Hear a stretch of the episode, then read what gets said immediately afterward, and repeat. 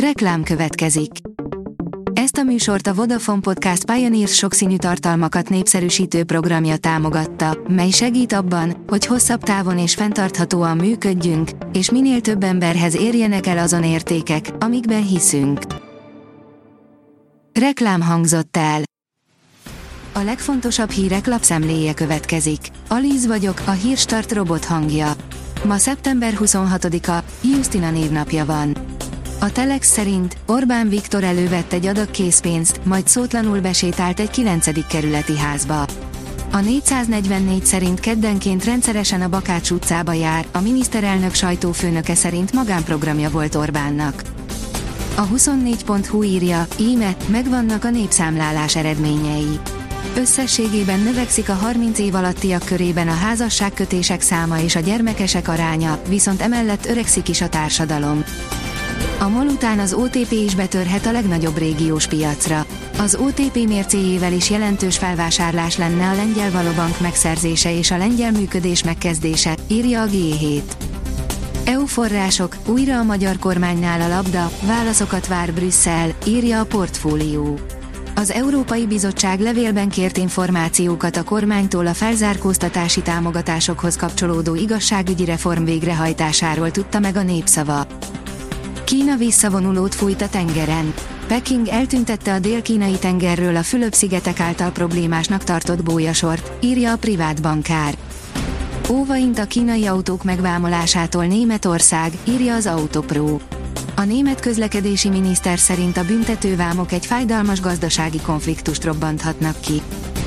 Románia visszavág, blokkolják Ausztria és a NATO kapcsolatát a Schengen vétó miatt. Továbbra is fagyos viszony jellemzi Románia és Ausztria kapcsolatát, miután az osztrákok tavaly megvétózták Románia Schengeni csatlakozását, áll a vg.hu cikkében. A Forbes írja, állami és kormányközeli cégek a partnerei az Orbán áron vezett lőtérnek. A Mátrai Erőmű és a Közép-Dunántúli Vízügyi Igazgatóság is partnerként szerepel annak a lőtérnek a honlapján, amely Orbán Viktor miniszterelnök testvérének, Orbán Áronnak a területén épül.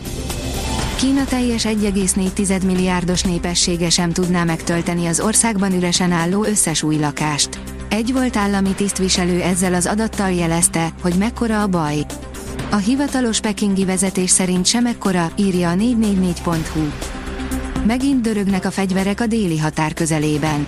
Ismét fegyverropogásról számoltak be a helyi lakosok, akik szerint a migránsok még a magyar határőrökre is rálőttek számolt be a magyar nemzet, írja a Hír TV. Nem is sejtik a magyarok, melyik felújítási munka a legjobb befektetés, most még jár a támogatás is. Az elmúlt évek energiapiaci bizonytalansága, az elszálló energiaárak mind megmutatták mennyire fontos, hogy csökkentsük a saját energiafelhasználásunkat. Otthonunk szigetelésével nem csak energiát és pénzt spórolunk, hanem annak értékét is növeljük, áll a pénzcentrum cikkében. A Real Madrid döntött Ancelotti utódjáról, írja a sportál. Spanyol sajtóinformációk szerint a Real Madrid vezetősége úgy döntött, a csapat korábbi klasszis labdarúgója és a Bayern Leverkusen jelenlegi trénere, Xabi Alonso veheti át az idény végén távozó Carlo Ancelotti helyét a kispadon. A büntető.com írja, az FC Barcelona történetének legsikeresebb szezonjai. Az FC Barcelona labdarúgó csapata évtizedek óta a legsikeresebbek egyike a világon, de a katalán klub nem csak futbalistáira lehet büszke, több más csapatsportákban is a legszűkebb hazai és nemzetközi elithez tartoznak a gránátvöröskékek. A kiderül szerint hideg front érkezik a hétvégén. A következő napokban lényeges változás még nem várható időjárásunkban, majd szombaton hideg front éri el térségünket. Átvonulását záporok, zivatarok és átmeneti lehűlés kíséri.